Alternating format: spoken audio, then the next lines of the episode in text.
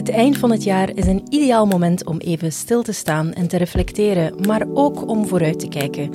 In deze laatste aflevering van 2020 maken we de balans op van de podcastwereld. Zijn podcasts hier stilaan de puberjaren ontgroeid? Hebben bedrijven het relatief nieuwe medium ondertussen volledig omarmd? En wat brengt de toekomst?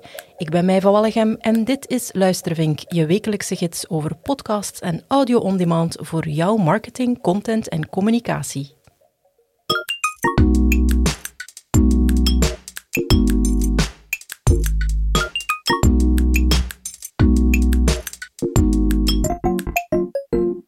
2020. We zijn er geraakt, we zitten aan het eind. Er waren niet veel zekerheden, maar wat wel zeker is, is dat Lennart Schoors hier weer tegenover mij in de studio staat. Ik ben een certitude dan. Ja, absoluut. En Lennart, het lijkt wel alsof elk jaar tot nu toe, het is al een paar jaar aan de gang, wordt uitgeroepen als het jaar dat podcasts volledig zullen doorbreken. Ook in 2020, dus dan zijn er toch nog een paar zekerheden. Hè? Ja. ja, of je het de grote doorbraak kan noemen, hangt er natuurlijk vanaf hoe je het bekijkt natuurlijk. Maar uh, podcasts, ja, die zitten ontegensprekelijk wel in de lift. Waarschijnlijk gaan we dit jaar nog de kaap van uh, eh, 2 miljoen podcasts overschrijden. Dat is dus 2 miljoen podcasts die je kan, uh, waarop je kan abonneren. En het publiek groeit ook gestaag verder. En het is dan ook echt een, een miljoenen business geworden. Vooralsnog vooral in de Engelstalige landen. Maar ook hier heeft elk journalistiek medium ondertussen meerdere podcasts. En ook bedrijven en het onderwijs hebben de weg ondertussen gevonden. Hè? Ja, ja, dat is heel wat voer voor een gesprek. Hè? Dus uh, nodigen we vandaag eens iemand uit die daar graag over praat. Even graag, of misschien zelfs nog liever dan wij zelf. Podcastmaker Eva Moeraert. Misschien hebben mensen je naam wel al eens gehoord, Eva. Maar kan je jezelf toch nog eens even voorstellen? Alright. Ik ben Eva Moeraert en uh, ik, heb, uh, ik, ik, heb twee jobs. ik geef les op Artevelde Hogeschool. Daar ben ik sinds kort coördinator van een postgraduaat podcasting, maar ik geef ook nog les in de opleiding journalistiek. En ik ben daarnaast ook uh, onafhankelijk podcastmaker, audio storyteller.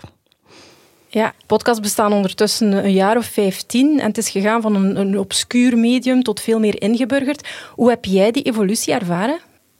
Ja, ik ben eigenlijk een radiomaker van opleiding. Hè. En dan moet je weten, op de radio mochten we alsmaar minder reportage maken. En alle documentaire programma's waren al lang afgeschaft. Dus we waren allemaal een beetje gefrustreerd op dat vlak eigenlijk. en toen opeens was daar de podcast. En dacht ik, dit is het. Hè. Dit is mijn kans om weer echt creatieve stukken te maken. Dus voor mij was dat een geschenk uit de hemel eigenlijk. Dat was echt op, de, op de juiste moment kwam dat dan. En ben ik daar stilletjes mee beginnen experimenteren. En zie nu, nu, nu kan ik daar allez, bijna van leven eigenlijk, van podcasts. Dus dat is geweldig, ja. En die podcasts, zijn die dan ook bij het brede publiek al bekend volgens jou? Worden ze serieus genomen? Of krijg je soms nog vragen en fronsende blikken als je zegt dat je podcast maakt? Uh, niet meer. Sinds, sinds een jaar, sinds twee jaar niet meer. Uh, vroeger moest je constant uitleggen wat is een podcast. nu vraagt iedereen mij, Eva, welke podcast moet ik luisteren? Dus ik merk een enorme evolutie. Jong en oud kent nu wel het medium podcast. Dus uh, de, de, de laatste twee jaar is er een enorme evolutie toch geweest. Ja. ja. ja. Ja, en elk journalistiek medium heeft ondertussen podcast en, en bedrijven, organisaties. Uh, ja, die, die vraag naar podcast, die is er wel. Van waar die, die motivatie, van waar die vraag van die bedrijven en organisaties? Ik denk eh, dat ze vaak denken dat dat goedkoper is dan een video maken.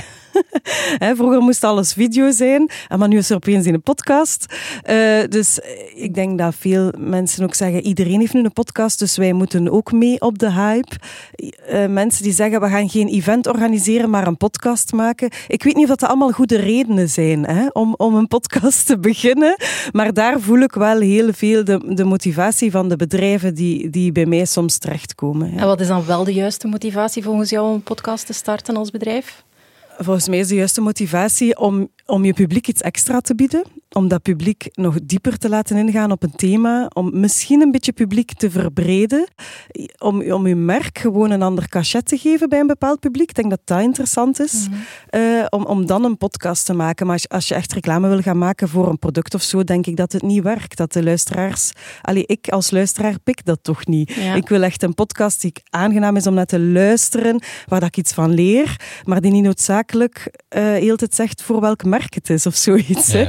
Ehm, dus ik denk ja, dat dat de motivatie moet zijn. Dus er zit daar ergens nog een discrepantie tussen wat de bedrijven willen en wat het eigenlijk het publiek op zit te wachten. Hè?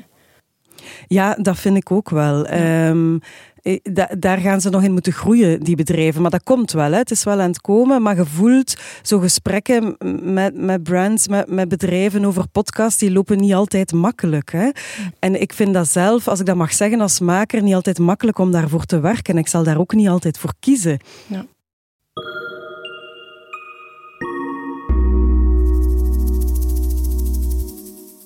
Meer podcasts, meer vraag naar podcasts wil ook zeggen meer vraag naar makers. Dus nood aan opleiding. Was dat de motivatie om de postgraduaat te starten op Artevelde? Absoluut. Mijn mailbox puilt uit van de mensen die mij vragen: Eva, ik wil een podcast maken. Kan jij mij dat leren? Wilde geen een koffie met mij gaan drinken? En ik kan dat natuurlijk niet tijdens een uurtje met een koffie uitleggen. Dus die vraag kwam er heel veel. Zowel van bedrijven, van wat moeten wij hebben om een podcast te beginnen? Wie kan die maken voor ons? En helemaal in het begin was dat op mijn één hand te tellen. Hè. Kende ik vijf onafhankelijke podcastmakers. Um, dus ja, wij voelden heel hard die vraag. En uh, daarom hebben wij bij Artevelde gedacht: ja, laten we het eens proberen Laten we eens kijken of er mensen genoeg zijn die zo'n opleiding willen volgen. En we hebben eerst Potlab uitgeprobeerd. En dat was eigenlijk onze eerste grote test. En daar voelden wij, ah ja, mensen komen van alle kanten. Ehm, en nu merk je dat ook in dat postgraduaat. Daar zitten een aantal journalisten, daar zitten een aantal communicatiemensen, maar evengoed mensen van Natuurpunt, uit de sociale sector, pas afgestudeerden. Allee, er zit daar van alles. Um, dus je voelt dat er wel nood is aan een degelijke opleiding, zowel technisch als inhoudelijk eigenlijk. Ja. En je zegt, er waren een, een, handvol mensen initieel die ermee bezig waren. Nu lijkt het wel dat de podcasters als paddenstoelen uit de grond schieten. Het is een beetje zoals 15 jaar geleden zo. Iedereen maakte websites, al dan niet kwalitatief. En we zitten ook een beetje zo in die situatie. Hoe kan je dat eigenlijk dan herkennen? Hoe um, zorg je dat je bij de juiste mensen terechtkomt om jouw podcast te maken?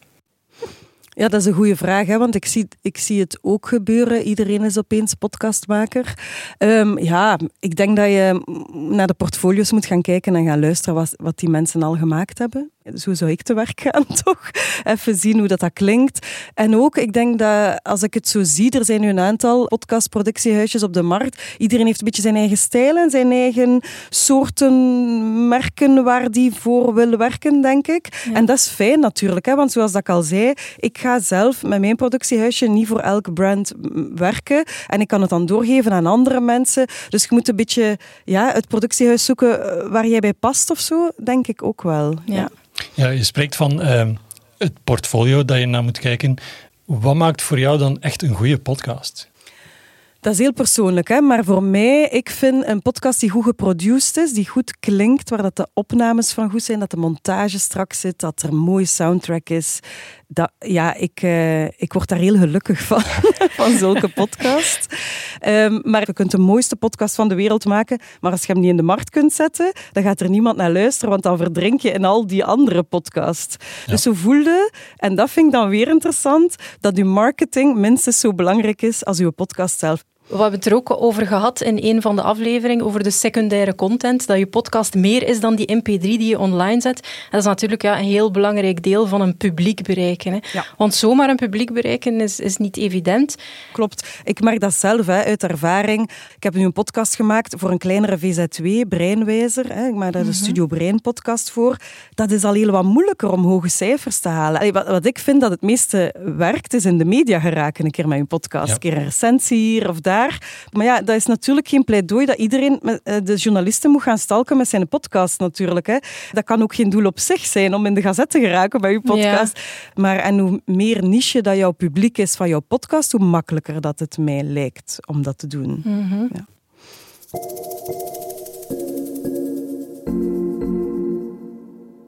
Als je spreekt over een, een publiek bereiken, hè, je hebt, eh, voor video heb je YouTube, voor podcast, er zijn heel wat dingen die dat proberen te zijn, maar voorlopig is dat er nog niet. Maar hoe vind je dan als luisteraar net de podcast die voor jou is?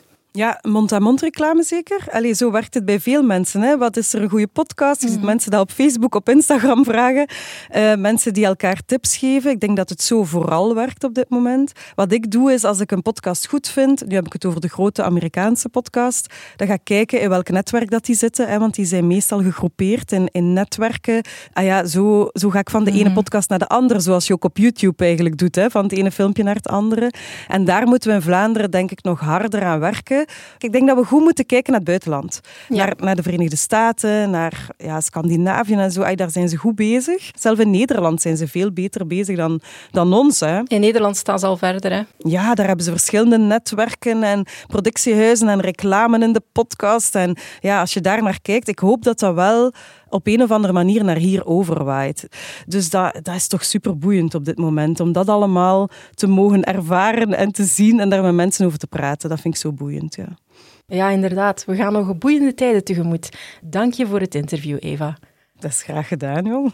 Ja, podcasts worden stilaan volwassen. En uh, ja, wie weet lopen er ondertussen wel al kinderen rond die later, als ze groot zijn, podcaster willen worden. ja, wie weet. En dan kunnen ze ons oudjes komen opvolgen. In onze show notes vind je trouwens meer informatie over Eva en het postgraduaat podcasting aan de Artevelde Hogeschool. Check dus zeker je podcastspeler of onze website natuurlijk, luistervink.link. En heb je onderwerpen die je graag aan bod wil zien komen in de volgende afleveringen? Laat dan zeker van je horen. Dit was de laatste luistervink van het jaar en nu gaan we er een paar weekjes tussenuit om zelf wat meer podcasts te luisteren. Fijne feesten, maak het alsnog gezellig en je hoort ons volgend jaar weer. Tot dan.